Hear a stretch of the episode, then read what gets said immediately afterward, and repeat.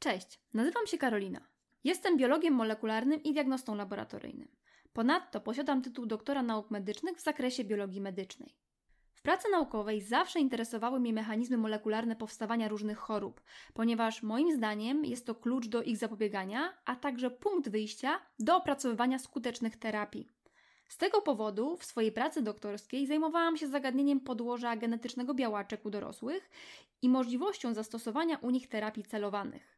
Od kiedy pamiętam, borykałam się z wieloma przewlekłymi chorobami i objawami. Stąd też od wielu lat, chcąc zgłębić przyczynę swojej dolegliwości, kompletnie wsiąkłam dietetykę, immunologię i medycynę stylu życia.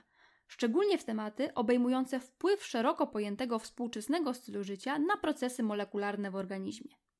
I tak naprawdę od tej pasji i chęci zrozumienia swoich problemów zdrowotnych zaczęła się moja przygoda z edukowaniem i popularyzowaniem wiedzy naukowej i medycznej. Moją misją jest edukowanie w taki sposób, aby każdy na bazie wiedzy opartej aktualne badania naukowe i kliniczne mógł świadomie dokonywać wyborów dotyczących swojego zdrowia lub swoich podopiecznych. A czego możesz spodziewać się w moim podcaście? Podcaście będę prowadzić rozmowy z ciekawymi osobami ze świata nauki i medycyny, specjalistami w swoich dziedzinach. Będziemy rozmawiać o długowieczności naukowym i medycznym okiem, a także o tym, jak powstają choroby i jak im zapobiegać. W podcaście znajdziesz merytoryczną wiedzę przedstawioną w przystępny sposób. Jeśli chcesz dowiedzieć się, jak żyć długo w dobrym zdrowiu, to jesteś w odpowiednim miejscu. Skóra jest jednym z największych narządów w naszym organizmie, posiadającym swój własny układ immunologiczny i mikrobiotę. Wygląd skóry jest jak odbicie lustrzane tego, co dzieje się w naszym organizmie, przez co umożliwia nam wnioskowanie o stanie naszego zdrowia. Budowa, funkcjonowanie i wygląd skóry zależą od wpływu wielu czynników wewnętrznych i zewnętrznych. Do czynników zewnętrznych należą czynniki środowiskowe, takie jak promieniowanie słoneczne, zakażenia, sposób odżywiania, palenie papierosów czy stosowanie innych używek. Wśród czynników wewnętrznych istotną rolę odgrywają stan hormonalny organizmu wraz z regulacją nerwową i immunologiczną oraz indywidualne predyspozycje genetyczne. Co ma wspólnego mikrobiota jelitowa z wyglądem naszej skóry? Jak to, co jemy, wpływa na naszą skórę? Czy jesteśmy w stanie spowolnić tempo starzenia się skóry? Czy musimy stosować przez cały rok kremy z filtrem 50? Na te i inne pytania odpowiem razem z moim dzisiejszym gościem. Gościem tego odcinka jest Alicja Śliwowska, Alicja jest doktorem nauk chemicznych ze specjalizacją chemia kosmetyczna, magistrem kosmetologii oraz dyplomowanym dietetykiem. Jest autorką wielu publikacji naukowych oraz współautorką patentu kosmetycznego. Otrzymała również wiele nagród i wyróżnień za najlepsze wystąpienia na krajowych i zagranicznych konferencjach naukowych. Na co dzień pracuje jako wykładowca na kierunku kosmetologia na Państwowej Wyższej Szkole Zawodowej w Koninie oraz prowadzi autorskie szkolenia dla branży beauty. Jak mówi o sobie, zawsze lubiła się uczyć, a później odkryła, że lubi też uczyć innych. Jej pasją jest zdobywanie i przekazywanie wiedzy, ale takiej pochodzącej wyłącznie z naukowych i sprawdzonych źródeł. Ponadto Alicja jest założycielką marki Skóra i prowadzi Instagram pod nickiem Doktor Skóra. Cześć Alicja. Cześć, witam serdecznie. Bardzo się cieszę, że przyjęłaś zaproszenie do mojego dzisiejszego odcinka podcastu. To ja bardzo, bardzo dziękuję za takie wyróżnienie. No i myślę, że miło spędzimy sobie najbliższy czas. Myślę, że tak, wiesz, bo powiem Ci, e, zajmuję się, a propos e, właśnie researchu do dzisiejszego mm, podcastu, e, zajmuję się też e, propagowaniem wiedzy dotyczącej profilaktyki chorób ale powiem Ci, że skórę dziś traktuję po macoszemu. Nie wiem dlaczego. E, mo, może to, wiesz, czasami tak jest, człowiek siedzi w różnych rzeczach. Ja na przykład mocno siedzę w tematach e, jelitowych, e, ale to dobrze, słuchaj, bo e, zwykle jak prowadzę rozmowy z moimi e, gośćmi, czy to na live'ach, czy to właśnie na, na podcaście, to już trochę temat znam. Dzisiaj trochę czuję się, powiem Ci, niepewnie, bo jesteś po prostu mega specjalistką, jeśli chodzi o, o w ogóle tematy związane ze skórą. No i masz bardzo fajne, słuchaj, wykształcenie. Myślę, że to połączenie dietetyki z kosmetologią i wiesz, doktorat jeszcze z chemii, fajnie to wszystko gdzieś, e, gdzieś łączy. E, mimo tego, że ja dużo o skórze nie, nie, skórze nie wiem i gdzieś tam trochę jestem ignorantem, jeśli chodzi o skórę, można powiedzieć. Mam nadzieję, że po dzisiejszym odcinku się to e, zmieni. Mm, na pewno zdaję sobie z tego sprawę, że nasza skóra jest takim trochę lustrzanym odbiciem tego, co dzieje się w naszym organizmie, przez co też umożliwia nam wnioskowanie mm, o stanie naszego zdrowia. Jakby na skórze widzimy, czy mamy alergię, czy mamy, nie wiem, choroby przewodu pokarmowego, o tym też powiemy sobie dzisiaj e, trochę więcej. Mnóstwo zaskoczyło mnie rzeczy dotyczących, słuchaj, mikrobioty skóra jelita. Bardzo dużo się mówi o tej mikrobiocie jelitowej, a mam wrażenie, że gdzieś tam pomija się tą mikrobiotę e, skóry i o tym też bym chciała dzisiaj z Tobą porozmawiać. Ale może zacznijmy sobie od totalnych e, podstaw. Powiedzmy może, czym jest, e, jakie są funkcje skóry, te oczywiste i mniej oczywiste. Mhm. E, więc co do takich oczywistych funkcji skóry, które myślę, że każdy z nas gdzieś tam zna, lub przynajmniej większości z nas one się obiły o uszy, to przede wszystkim jest to taka funkcja barierowa, czyli pamiętajmy, że skóra to jest nasz największy narząd, e, który gdzieś tam faktycznie chroni nas e, przed czynnikami środowiska zewnętrznego. Jest to taka strefa pierwszego kontaktu właśnie z czynnikami mm, egzogennymi. Pamiętamy też, że skóra mm, chroni nas właśnie przed wnikaniem patogenów, których gdzieś tam nie chcemy wewnątrz naszego organizmu. Pełni funkcję termoregulacyjną, czyli jak jest nam za gorąco, e, to pocimy się po to, aby właśnie schłodzić organizm. Pewnie też tutaj funkcję mm, odpornościową, ale myślę, że ten temat rozwiniemy sobie za chwilkę trochę bardziej, bo to jest taki mało zgłębiony, a jednak nadal bardzo ciekawy temat. Na pewno też słyszeliśmy o tym, że w skórze zachodzi synteza witaminy D, e, która jest bardzo ważna dla funkcjonowania naszego organizmu, więc tych funkcji jest naprawdę całe mnóstwo. Też funkcja receptorowa, czyli to, że czujemy ciepło, że czujemy zimno, e, ból, jakikolwiek dotyk, to też wiadomo jest właśnie funkcja naszej skóry, ale właśnie e, taką mało poznaną, mało znaną funkcją skóry jest właśnie ta mm, funkcja odpornościowa. I pewnie też o tym trochę więcej dzisiaj tutaj powiemy, żeby ten temat e, możliwie rozwinąć. Mhm. E, no właśnie ta funkcja immunologiczna mnie bardzo fascynuje, bo ja generalnie gdzieś tam tą immunologią jestem yy, mocno, mocno zafascynowana i to jest chyba ta taka mniej oczywista funkcja skóry, bo to co powiedziałaś, tak ochrona, bariera yy, przed czynnikami zewnętrznymi, już nawet myślę, że ta synteza witaminy D już jest tak mocno rozpropagowana, że wiemy, że ze źródeł pokarmowych nie dostarczymy sobie odpowiedniej ilości witaminy D, tylko właśnie skóra jest tym miejscem, gdzie ulega ona mm, syntezie. Powiem Ci, że zaskoczyło mnie też to może to rozwiniemy, e, jak duży jest w ogóle układ odpornościowy skóry. Mm, ja dużo mówię o GALT, czyli tej tkance limfatycznej związanej z przewodem pokarmowym, czyli znowu tutaj mikrobiota jelitowa i układ odpornościowy przewodu pokarmowego, ale w skórze mamy SALT w skrócie. Jakbyś mogła więcej w ogóle powiedzieć nam o tym salcie e, i jakie e, komórki wchodzą w ogóle w skład układu odpornościowego skóry. Mhm. Super temat, myślę, że bardzo, bardzo ciekawy, dlatego że właśnie rzadko kiedy myślimy o skórze jako takim narzędziu, które ma jakikolwiek wpływ na naszą odporność. A tak naprawdę wiemy, że skóra ma swój własny układ e, odpornościowy. Nazywamy go Skin Immune System i właśnie ten układ odpornościowy skóry ma e, zarówno elementy, które są wrodzone, ale także takie, które są nabyte, czyli to, czego nasza skóra, nasz układ odpornościowy skóry uczy się właśnie za pomocą odbierania i kontaktu właśnie z różnymi e, bodźcami. I tutaj warto ten temat troszeczkę rozszerzyć i powiedzieć o tym, że właśnie komórki odpornościowe znajdują się zarówno właśnie na skórku, jak i też w skórze właściwej. I tutaj myślę, że a propos właśnie tego SALT, wiemy, że mamy też tutaj w jelicie właśnie znaczną część komórek odpornościowych tego e, naszego organizmu i w skórze też ich jest naprawdę ogrom.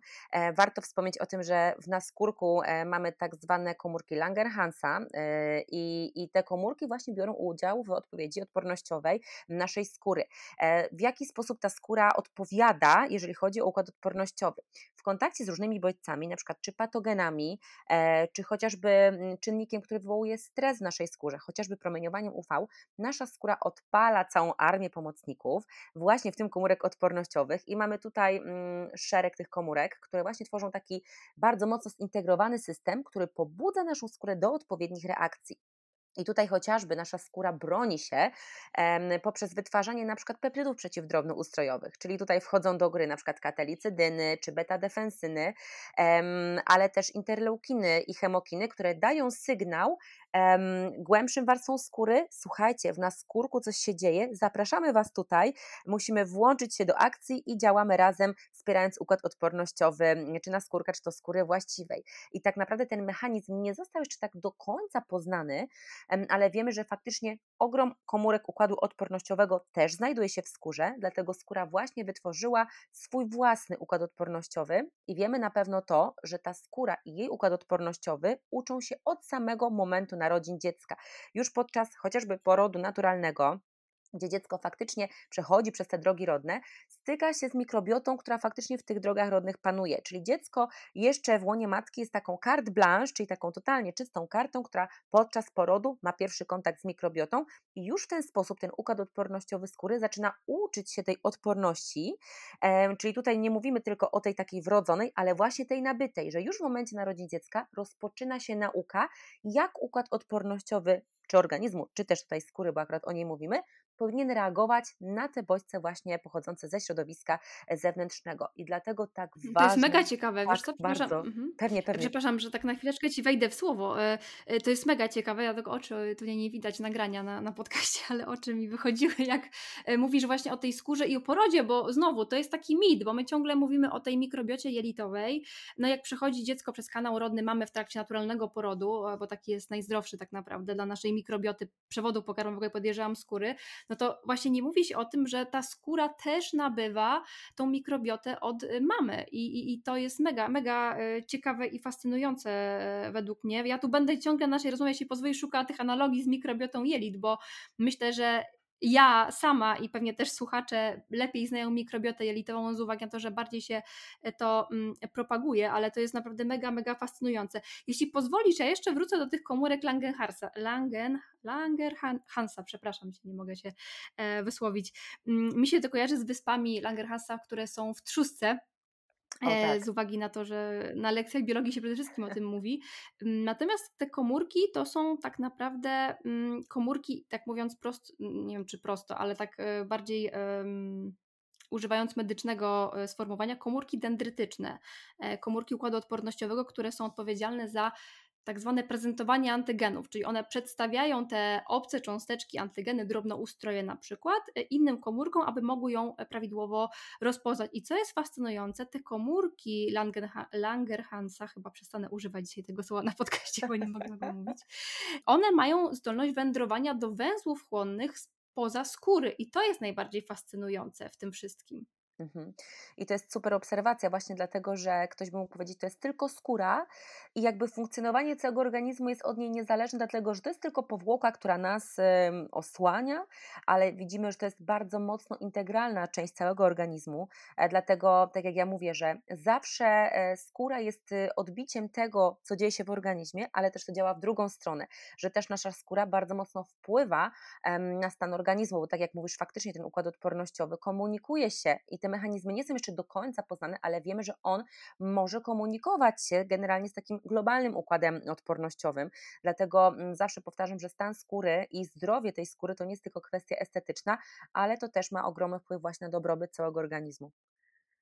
Mhm. No, no to, to jest niesamowite. I powiem Ci, że tak teraz mi przyszło na myśl a propos alergii, no bo skóra też nam się kojarzy z alergiami, pewnie o których sobie jeszcze powiemy. E, nawet e, wiesz, taki coś jak wstrząs anafilaktyczny e, może być też spowodowany tym, że coś dostanie się naszej skóry u osób e, alergicznych i to jest, pokazuje jak ta skóra e, może dawać taką reakcję systemową wręcz na całego naszego e, organizmu. Ja jeszcze a propos alergii wspomnę o moich kom ulubionych komórkach odpornościowych, komórkach tucznych, e, których też jest bardzo dużo w skórze, generalnie w błonach śluzowych i skórze mm, i one są właśnie odpowiedzialne za takie mm, w sumie reakcje u dużej ilości osób, szczególnie jeśli ktoś ma alergię czy jakąś nietolerancję histaminy, właśnie takie pęcherzyki, zaczerwienienie. Pewnie spotykasz się z tym często u swoich pacjentów. E, tak, tak, tak. Faktycznie dużo osób nie wie, że ma, a faktycznie ma tę nietolerancję, czy wrodzoną, czy nabytą, ale gdzieś tam faktycznie ten temat się lubi przewijać. Teraz pozwolisz, szybko sobie tak przeskoczę właśnie a propos, bo mówiliśmy o układzie odpornościowym skóry mm, i warto chyba powiedzieć, że to, co na początku też wspomniałam, że skóra jest takim odbiciem lustrzanym tego, co dzieje się w naszym e, organizmie i tak naprawdę w wielu chorobach e, przewlekłych, e, nie tylko związanych ze skórą, gdzieś te objawy skórne występują. Ja zawsze jak mówię o skórze, to mówię, że mam w domu taką książkę grubą lekarską. To są objawy skórne w chorobach wewnętrznych i to jest naprawdę niesamowite, jak wiele jednostek chorobowych może dawać objawy od strony skóry, jakim może być takim skóra wskaźnikiem wręcz diagnostycznym, jeśli chodzi o, mm, jeśli chodzi o nasze mm, organizm. Ja znalazłam taką informację, że w chor samych chorobach przewodu pokarmowego aż 35% osób może mieć objawy e, od strony właśnie skórnej. Czy, czy, gdzieś to potwierdzasz? Bo, bo, też jesteś praktykiem, może tego na początku nie, nie powiedziałam, nie zaznaczyłam, ale poza tym, że gdzieś tam edukujesz, to też jesteś osobą, która praktycznie pracuje z pacjentami. E, jasne, to jest prawda i czy to jest właśnie układ pokarmowy, czy jakieś inne mm, choroby, to bardzo dużo tych chorób daje faktycznie manifestacje skórne i bardzo często ta manifestacja skórna wskazuje na to, że taka choroba istnieje, bo wiemy, że te objawy są różne, mm, organizmy są różne i czasami dana choroba może przebiegać bezobjawowo, a dopiero gdzieś ta manifestacja skórna daje do myślenia, że o kurczę, coś może tutaj się dziać w danym organizmie. I taki bardzo prosty przykład, e, chociażby powiązanie na przykład SIBO mm, z trądzikiem różowatym. Jest wiele publikacji, które faktycznie pokazuje, myślę, że masz to w małym palcu, bo, bo wiemy, że Elita to twój konik e, i pewnie nieraz spotkałaś się um, w swojej praktyce z takimi osobami, które faktycznie e, po eradykacji tego SIBO nagle zaobserwowały, że na przykład trądzik różowaty gdzieś tam faktycznie e, ładnie ustępuje, bo widać było, że ten problem był w jelitach, czy na przykład helikobakter też gdzieś tam jest to powiązanie, chociaż nie do końca jeszcze wiadomo dlaczego, ale od takich, że tak powiem, prostych diagnostycznie i terapeutycznie chorób, no bo jakby um, ciężko nazwać SIBO chorobą, jest to bardziej wiadomo, że taki zespół objawów, ale może od tego typu dolegliwości, do naprawdę poważnych jednostek, na przykład neurofibromatoza typu pierwszego, która gdzieś tam faktycznie typu, na przykład takie typowe objawy to pojawianie się faktycznie takich mgłusków e, nawet na nerwie wzrokowym, które może prowadzić gdzieś tam do zaburzenia widzenia e, i, i ogólnie układ nerwowy czy inne narządy mogą być zajęte i to też na przykład daje manifest skórny w postaci właśnie takich włókniaków bardzo licznie usianych i takich plam typu kafe ole, czyli taka plama kawa z mlekiem. I to jest taki jeden z wielu, wielu, wielu przykładów, gdzie faktycznie ta skóra pokazuje, że coś się dzieje w środku albo po prostu jest organem, który jest zaangażowany w tę chorobę, czyli jest jakby jednym z organów, który też jest dotknięty daną chorobą. Ale tak jak ja mm, zawsze podkreślam, taka obserwacja siebie i obserwacja w ogóle organizmu, w tym skóry, to jest naprawdę klucz do sukcesu, bo my widzimy, że coś się dzieje i wiemy, że w tym pędzie życia nie ma czasu na taką autodiagnozę, autoobserwację, ale to jest naprawdę bardzo ważne, żeby przyglądać się sobie. Jeżeli mamy jakieś podejrzenia i czujemy, że coś jest nie tak, to zawsze warto ten temat zbadać, bo no, intuicja bardzo często gdzieś tam nie zawodzi i faktycznie te manifestacje skórne bardzo często wskazują na to, że coś może dziać się głębiej w skórze, znaczy w skórze i w organizmie ogólnie. A jeszcze wiesz co, tak jak mówisz o trądziku różowatym, to, to jest gdzieś mi bliski temat, chciałam go pociągnąć, bo ja generalnie zawsze borykałam się z różnymi przewlekłymi e, chorobami, sama mam endometriozę, e, akurat SIBO u mnie zdiagnozowano, ale problemy ze skórą gdzieś tam były e, u mnie zawsze. Mm, no i właśnie, trądzik różowaty. I tak Wiem, że to jest też Twój konik, trądzik różowaty, dużo o nim mówisz. E, myślę, że sporo osób e, ma problem w ogóle z tym typem e, trądziku, bo nam się trądzik kojarzy z takimi ropnymi pryszczami, mówiąc tak bardzo obrazowo, który mija w wieku nastoletnim albo i nie, bo mamy też trądzik dorosłych, który gdzieś tam się, gdzieś tam się przedłuża. Ale może powiedzmy w ogóle, czym jest trądzik różowaty? Mhm. E, to jest faktycznie mój konik, uwielbiam, uwielbiam ten temat, e, zwłaszcza, że naprawdę odpowiednia zmiana stylu życia, dobra pielęgnacja, dobra dieta, unikanie tych tak zwanych triggerów, czyli tych czynników stymulujących e, te zmiany skórne, naprawdę robi super robotę i naprawdę idzie ten temat dobrze ogarnąć, jeżeli jesteśmy świadomi w tym temacie. I trądzik różowaty jest to tak naprawdę choroba mm, o podłożu naczyniowym, gdzie widzimy, że układ odpornościowy skóry, czyli znowu wracamy do naszego klucza, układ odpornościowy skóry reaguje nieprawidłowo na poszczególne bodźce. I tak jak na przykład osoba, która nie ma problemu z trądzikiem różowatym, mm, ma kontakt z promieniowaniem UV, no to faktycznie no wiemy, że te wolne rodniki w skórze faktycznie szaleją, że zwiększa się ich produkcja, że zwiększa się ich ilość e, i gdzieś tam ta skóra też to odczuje, ale na pewno mniej boleśnie niż ta skóra z trądzikiem różowatym, gdzie z automatu um, układ odpornościowy skóry mówi uwaga, reaguj, te bodźce tutaj mm, są dla Ciebie bezpośrednim zagrożeniem. E, dochodzi do degradacji włókien kolagenowych, które mm, gdzieś tam budują naczynia krwionośne. E, wolne rodniki nasilają stan zapalny i a propos tych katalicydyn, które już dzisiaj sobie wywołałyśmy na tapetę, też obserwuje się ich wzmożoną e, syntezę w skórze właśnie z trądzikiem różowatym. E, co więcej, też ciekawostka, bo też pewnie będziemy jeszcze dzisiaj przy temacie mikrobioty skóry, też osoby obserwują u siebie w przypadku trądziku różowatego dysbiozę skórną, czyli nierównowagę tej mikrobioty.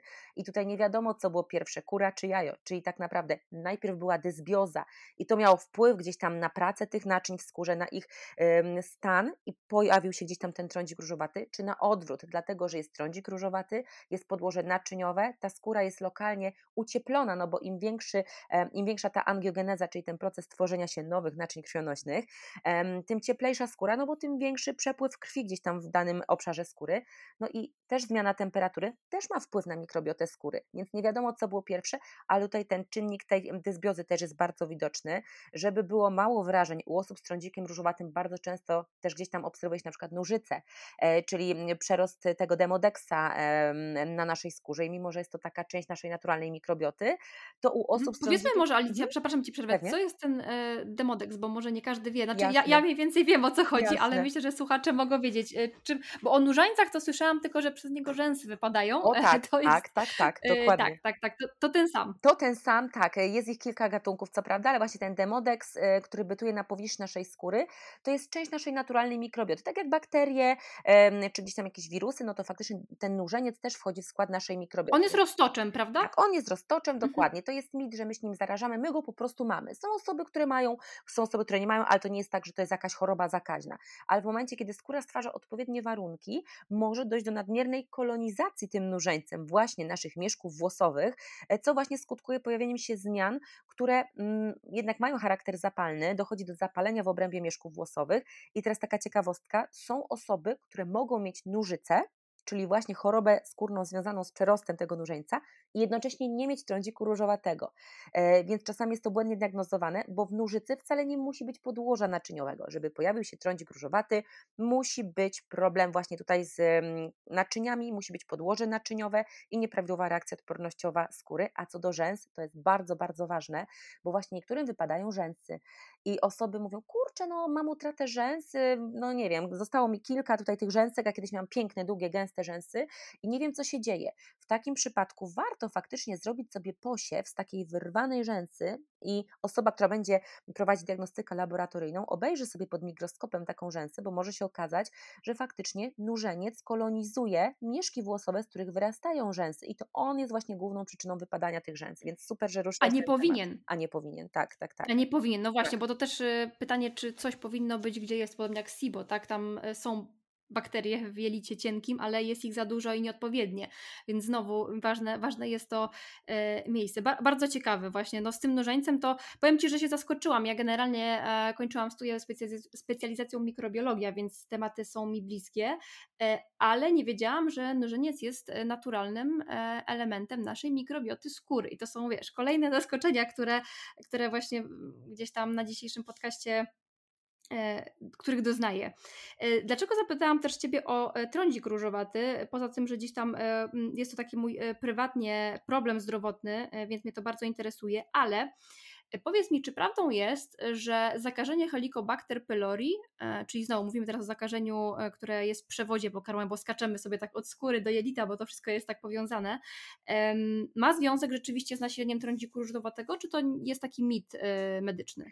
Są badania, które pokazują, że faktycznie jest to połączenie. Mechanizm jeszcze nie został do końca poznany, ale faktycznie po eradykacji Helicobacter widzimy poprawę skór z trądzikiem różowatym. I teraz pytanie, dlaczego? Czy jest to połączenie połączenie, czy może z drugiej strony był helikobakter. Wiadomo, że w jego przypadku jest potrzebna antybiotykoterapia. E, antybiotyki działają też przeciwzapalnie, a trądzik różowaty to choroba o podłożu zapalnym i być może tutaj ten antybiotyk w ten sposób działa, więc nie do końca wiadomo, czy stricte helikobakter wywołuje po prostu trądzik różowaty, czy po prostu um, usunięcie, wyleczenie tego e, helikobaktera, po prostu pozbycie się go z układu pokarmowego poprzez antybiotykoterapię pozytywnie wpływa na stan skóry z trądzikiem różowatym właśnie poprzez wyciszenie tego stanu zapalnego. Czyli znowu nie wiemy, co jest pierwsze, kura czy jajo, ale faktycznie są badania, które pokazują, że u osób z helikobakter faktycznie ten trądź różowaty pojawia się dużo częściej. Także jest to potwierdzone naukowo. Okej, okay, czyli to nie, nie wiadomo, czy to jest związek dokładnie przyczynowo-skutkowy, czy to jest taki epifenomen bardziej przy okazji, jak leczymy. Niemniej, no, terapia, jak mówisz, badania pokazują, jest, jest yy, tutaj skuteczna, więc warto się pewnie u takich osób przyjrzeć i zrobić diagnostykę w kierunku Helicobacter pylori. Zdecydowanie tak. Jeżeli są jakiekolwiek objawy, które mogłyby wskazywać, to totalnie jestem za diagnostyką. A powiedz mi, czy mm, na trącik różowaty wpływają zmiany hormonalne? E, zdecydowanie tak, dlatego na przykład u kobiet widzimy zaostrzenie, czy w ciąży, czy w połogu, albo na przykład u pań w trakcie menopauzy. Tutaj też tak może być. I niestety my, panie, mamy to szczęście, że u nas częściej występuje ten trądzik różowaty niż u mężczyzn, ale u mężczyzn z kolei, jeżeli już wystąpi, to zazwyczaj ma ostrzejszy przebieg. Więc e, kobiety faktycznie są troszeczkę bardziej narażone właśnie ze względu na to podłoże hormonalne. Więc jeżeli na przykład jakaś pani E, wcześniej obserwowała u siebie mm, rumień, który na przykład pojawiał się pod wpływem e, bodźców na zasadzie promieniowania UV, e, emocji, gorących potraw, gorących napojów, ostrych potraw i ten rumień znikał, a nagle na przykład podczas menopauzy czy po ciąży ten rumień przeszedł w postać utrwaloną, zagościł się na dobre na skórze i nie chce zniknąć, to jest taki sygnał, że trzeba działać, bo faktycznie to takie mm, kulminacyjne momenty w życiu, które faktycznie pod względem hormonalnym mają wpływ też na stan skóry i właśnie jest to bardzo widoczne, jeżeli chodzi o trądzik różowaty. Mhm, to jakby w ogóle, y, jeśli chodzi o trądzik różowaty, ale też chyba o generalnie manifestacje chorób związanych y, z zaburzeniami hormonalnymi, to skóra też jest takim dobrym indykatorem, prawda? Bo y, nie wiem, nadmiar estrogenów, dobrze mówię, w przypadku trądziku różowatego może mieć, nasilać te zmiany takie zaczerwienienia na skórze? Właśnie ten mechanizm nie do końca został poznany, um, i, ale tak, faktycznie są on, estrogeny są tutaj na tapecie bardzo mocno, jeżeli chodzi właśnie o, o trądzik różowaty, a z kolei w zwyczajnym trądziku już na przykład tutaj bardziej androgeny, chociaż ten hiperestrogenizm w trądziku zwyczajnym też nie pozostaje bez winy, bo jeżeli jest ta nierównowaga jakakolwiek hormonalna, to może się to odbić na skórze i faktycznie też bardzo mocno to widać i u osób z trądzikiem zwyczajnym, czy to jest wiek młody, czy gdzieś tam u ludzi dorosłych, czy też właśnie w przypadku e, trądziku różowatego, więc tak jak mówisz, te hormony też mają tutaj ogromne znaczenie. Hmm, czyli kolejny w sumie element taki do odhaczenia, jeśli mamy problemy ze skórą, żeby zbadać też nasze hormony, prawda? Bo tutaj jeszcze androgeny mają duże chyba znaczenie pod kątem tego zwykłego przynajmniej trądziku. E, zdecydowanie tak i zwłaszcza jeżeli gdzieś tam widzimy mm, takie objawy, które mogłyby wskazywać na ten hiperandrogenizm, czyli jakieś takie niepożądane, nadmierne owłosienie w miejscach, które jakby powinny być pozbawione tego owłosienia. Jeżeli widzimy faktycznie, coś, że coś się dzieje na przykład w przypadku kobiet z cyklami, że nie są regularne, dodatkowo włosy na przykład, jeżeli nam wypadają włosy w nadmiarze i widzimy, że ten, ten, to wypadanie włosów ma jakiś wzór, czyli na przykład e, łysieją nam zakola albo łysieją nam tutaj e, obszary wzdłuż przedziałka, to to wszystko składa się w, tak, w taką całość, gdzie faktycznie możemy myśleć, że coś się dzieje z tymi androgenami, że coś jest nie tak, więc wtedy taka e, porządna wizyta u dobrego ginekologa, u dobrego endokrynologa, e, zbadanie pracy jajników, zbadanie pracy nadnerczy, bo te nadnercza są często pomijane, a jednak to też jest przecież genialne źródło androgenów, e, też może dać nam odpowiedź, bo, bo faktycznie czasami my nie widzimy, że nie widzimy, że coś się dzieje w środku, ale mamy kilka puzli, jeżeli je poskładamy w odpowiedni obraz, będziemy wiedzieć, że jesteśmy na dobrym tropie i tutaj też lokalizacja może być wskazówką i to jest ta linia U, czyli policzki, broda, żuchwa. Tam panowie mają zarost. Dlaczego właśnie w tych lokalizacjach, a nie w innych? Bo tam receptory androgenowe są bardziej wrażliwe na działanie androgenów niż na przykład na skórze nosa czy czoła.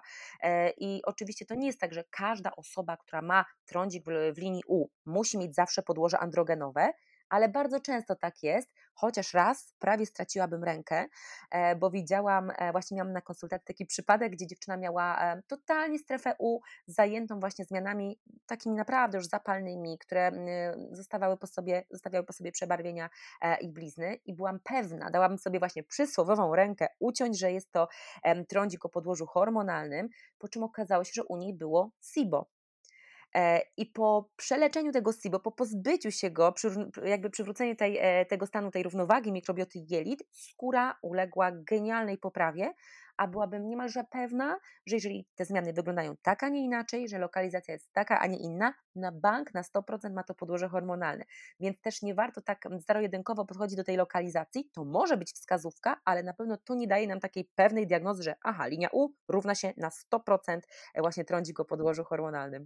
No, mega ciekawe, bo dosyć, że właśnie same jakby wygląd zmian na skórze może nam wskazywać na, na, na jakby przyczynę, to jeszcze lokalizacja. No tutaj pięknie podałaś, jak, jak diagnozujesz po prostu, znaczy okej, okay, no trzeba mieć inne badania, tak? Trzeba mieć badania laboratoryjne i patrzeć na pacjenta całościowo. E, jak mówisz, nie można się zamknąć tylko na jednej lokalizacji, ale w ogóle tak rozmawiamy, to jest niesamowite właśnie, jak, jak skóra może nam dużo opowiedzieć o naszym zdrowiu i właściwie dać taki drogowskaz, gdzie powinniśmy dalej, dalej szukać, w którym e, kierunku, więc no, no to, jest, to jest naprawdę niesamowite. Mm. Ale wiesz co, chciałam jeszcze troszeczkę więcej powiedzieć o tej mikrobiocie. Mm mikrobiocie skóry i jelita, bo tak jak rozmawiałyśmy, skakałyśmy sobie od jednej do drugiej, bo one są, mimo że przestrzennie są oddzielone, to to połączenie jest e, ewidentne i takie e, na zasadzie takiego sparingu, słuchaj, znalazłam takie dane, mm, które porównywały właśnie samo skórę, czy też na skórek, powierzchnię skóry z powierzchnią jelita. E, na początku powiedziałeś, że jest to największy narząd. Tutaj pewnie można byłoby polim, polim, polemizować, czy to jelito, czy skóra jest mhm, największym tak, tak. narządem. Jeśli chodzi o skórę mm, z przydatkami wszystkimi, czyli gruczołami łojowymi i potowymi, e, całkowita powierzchnia skóry to jest 25 metrów sześciennych e, i to jest jeden z największych powierzchni kontaktu, interakcji z drobnoustrojami, jeśli chodzi o, o nabłonek. Natomiast przewód pokarmowy jest raptem trochę większy, to jest 30 metrów, e, więc y, jakby skóra i jelito idą w łeb w łeb. Podobnie jest, słuchaj, z mikrobiotą jelitową. Jeśli chodzi o skórę, to mamy liczbę drobnoustrojów na skórze 10 do 12, natomiast w jelicie mamy 10 do 14, czyli raptem tylko dwa rzędy wielkości. E, także, także to nie jest jakaś taka duża różnica, więc mnie to mnie to mocno zaskoczyło, powiem Ci, bo mówię, jestem takim trochę jelitofilem i tak patrzę na te jelita może e, błędnie, e, ale mamy coś takiego jak, e, mm, może najpierw e, zaczęłabym, dobra, zacznijmy może od tej e, mikrobioty skóry, a potem przejdziemy sobie do mikrobioty jelitowej, albo będziemy sobie przeplatać może, bo to jest takie, takie e, prostsze. Zacznijmy sobie od składu. Jeśli chodzi o mikrobiotę jelitową i, i, i mikrobiotę skóry, mm, wiemy, że mikrobiota jelitowa jest taka dosyć można powiedzieć, monotonna, jeśli chodzi o takie duże grupy bakterii. Tam mamy przede wszystkim Bacteroidetes i Firmicutes e, i, i to są takie dwie grupy bakterii. Natomiast jeśli chodzi e, o e, mikrobiotę skóry, tam mamy, ja mówię bakterie, ale to jest błąd, bo wiadomo, że mamy dużo drobnoustrojów, to nie są tylko bakterie, to są wirusy, grzyby, drożdżaki i tak dalej. Mm, jeśli chodzi o skórę, to tutaj przede wszystkim dominuje pro, propionibakterium, dobrze mówię? Tak, tak, tak, tak, tak, mhm, bardzo dobrze. E, więc jakby ta mikrobiota skóry jest totalnie różna. A z czego to wynika? E, wynika to przede wszystkim z warunków, e, w jakich ta mikrobiota bytuje, bo tak jak wiadomo, e, jednak skóra ma kontakt z powietrzem, w którym znajduje się tlen, więc, więc tutaj te warunki są zupełnie inne niż te, które panują faktycznie w jelitach i mikrobiota po prostu adaptuje się do warunków, w jakich przyszło jej żyć, więc faktycznie tutaj mamy totalnie zróżnicowaną mikrobiotę, jeżeli chodzi o jelita i skórę. Co więcej, też jakby mamy taką mapę ciała, Czyli na, w poszczególnych obszarach naszego ciała też ta mikrobiota jest troszeczkę różna, bo wiemy, że na przykład są kserofile, czyli te drobnoustroje, które wolą jednak suche obszary i na pewno nigdy nie będzie im dobrze w obszarach, które są bardzo bogate w gruczoły potowe. Więc gdyby sobie tak rozrysować taką mapę ciała, to zupełnie inne bakterie będą sobie bytowały na przykład tam, gdzie są mm, obszary wilgotne, właśnie bogate w gruczoły potowe, czyli na przykład dłonie czy pachy, czy podeszwy stóp, a zupełnie inne obszary będą sobie, mm, inne mikroorganizmy będą sobie bytować w obszarach, które są z kolei bogate w gruczoły łojowe, czyli na przykład klatka piersiowa, plecy, czy też skóra twarzy, czy głowy. Więc faktycznie, tak jak mówisz, gdzieś tam z biegiem ewolucji one dostosowały się do tego, w jakich warunkach przyszło im bytować. I właśnie z tego tytułu, na przykład te suche obszary ciała to głównie właśnie mm, proteobakteria, e, czy też na przykład stafylokokusy, a, a gdzieś tam faktycznie w tych gruczołach, w tych obszarach, które są bogate w gruczołojowe, na przykład e, wszystkie bakterie, które da się podciągnąć pod na przykład Cutibacterium, e, w tym też nieszczęsne Cutibacterium acnes, które są owiane bardzo złą sławą, bo wiemy, że ich rola w powstawaniu trądziku jest niepodważalna, ale też jak już z biegiem czasu się dowiedzieliśmy, to też nie są jakieś chorobotwórcze bakterie, które kompletnie są złe i należy się ich pozbyć z powierzchni naszej skóry, bo wiemy z kolei, że tylko niektóre filotypy, zwłaszcza IA1 są tutaj bardziej prochorobotwórcze e, i wiemy, że tak naprawdę nadal wszystko sprowadza się do tej podstawy, jaką jest równowaga tej mikrobioty, czyli w momencie, kiedy my mamy nierównowagę czy to w jelitach, czy na powierzchni skóry, to pojawia się problem, czyli spadek różnorodności i nierównowaga mikrobioty e, i dojść do głosu właśnie tych filotypów o, większej, e, o większym potencjale chorobotwórczym sprawia, że faktycznie gdzieś tam pojawiają się różne problemy, czy to jelitowe, e, czy skórne. Mhm. A powiedz mi, tak sobie myślę, bo jak sprawdzałam publikacje, to rzeczywiście te różne choroby skórne, czy to atopowe zapalenie skóry, czy łuszczyca, czy trądzik różowaty, czy ten e, zwykły trądzik, pospolity, dobrze tak się mówi? Mhm, tak, tak, tak, trądzik, tak, tak, trądzik. Mhm, mhm. tak pospolity, e, to są zarówno zmiany na poziomie mikrobioty skóry, jak i jeli. I teraz znowu pytanie, co było pierwsze, jajo czy kura? E, ja wiem, że pewnie badania tego nie pokazują, ale jak, jak, jakie jest Twoje zdanie na ten temat? No właśnie, sama nie wiem, co było pierwsze, czy ta, czy ta nasza kurka, czy to jajko, ale to powiązanie jest e, totalnie niesamowite i ono faktycznie istnieje, e, więc jeżeli ktoś wiele lat temu słyszał hasło oś, jelito, mózg, skóra i łapał się za głowę na zasadzie, że to jest jakaś fanaberia, to już teraz na pewno wie, że jednak to istnieje. Więc ta oś, jelito, mózg, skóra faktycznie jest i nie wolno jej lekceważyć w żaden sposób. Naprawdę jest mała szansa na to, że jeżeli ktoś ma jelita w złym stanie i ma naprawdę porządny porządną dysbiozę w jelitach, będzie miał piękną, idealną skórę. Istnieje mała szansa, bo wiemy, że faktycznie to połączenie jest. I teraz w momencie, kiedy mm, mamy dysbiozę skórną, to też ma wpływ na mikrobiotę skóry. One, czyli mówię tutaj pod, pod jakby pojęciem one kryją się e, drobnoustroje bytujące w jelitach oraz te na powierzchni naszej skóry. Mikrobiota jelit i mikrobiota skóry, one mają zdolność komunikowania się ze sobą. Nie do końca wiadomo, w jaki sposób to działa. Część teorii mm, opiera się na tym, że istnieje tak zwany leaky gut. Nie wiem, jak tutaj ty mm, zapatrujesz się na ten e, syndrom jelita e, i teraz różnie mówią, cieknącego czy przesiąkliwego? Mhm. To wiesz co, to jest taka e, bardzo kolokwialna nazwa. Ja też dużo wykładów ten temat prowadzę. Ja mówię o zaburzeniach przepuszczalności bariery jelitowej i to faktycznie istnieje. Sama wiesz pewnie, jak przeglądasz publikacje, że w takich prestiżowych czasopismach typu Nature, Science pojawia się to. Myślę, że mm, za dużo się dorabia do tego trochę ideologii, bo my jeszcze za dużo nie wiemy, a, a już y, ludzie szykują terapię na te, na te uszczelnianie jelita i tak dalej. Mhm. E, to jest jeszcze daleka droga. Też problem jest z diagnostyką, jak to zdiagnozować. E, mamy różne testy na przykład y, różne takie duże cukry, tak jak laktuloza, e, które można po przyjęciu jakby sprawdzić, czy przechodzą przez jelito, ale to też nie jest doskonała metoda, więc generalnie tak, e, zaburzenia przepuszczalności bariery jelitowej, mówiąc kolokwialnie leaky gut, e, istnieje, tylko my tak na 100% jeszcze nie wiemy, co z tym robić i ja myślę, że też jest sporo takich badań, mm, nawet z udziałem ludzi, chociażby słuchaj, pod kątem chorób metabolicznych, gdzie te LPS-y, czyli te lipopolis sacharydy bakteryjne z jelita przechodzą e, do krwiobiegu, my to możemy zbadać tak naprawdę, bo ich nie powinno być we krwi tak naprawdę. Więc myślę, że ta komunikacja skóra, jelita może też się taką drogą odbywać, drogą krwi, albo nawet drogą swoich komórek układu odpornościowego, które e, one nie są e, osadzone w jednym miejscu, to tak te komórki e, Langerhansa, o dobrze wymówiłam w końcu, one sobie wędrują do węzłów chłonnych, tych centrów komunikacji, a potem ta informacja idzie po całym organizmie, więc myślę, że my jeszcze nie znamy dokładnej drogi tej komunikacji jelita-skóra, ale jak najbardziej te, te, te, zaburzenia przepuszczalności barieritowej e, mogą brać w tym udział. Mhm.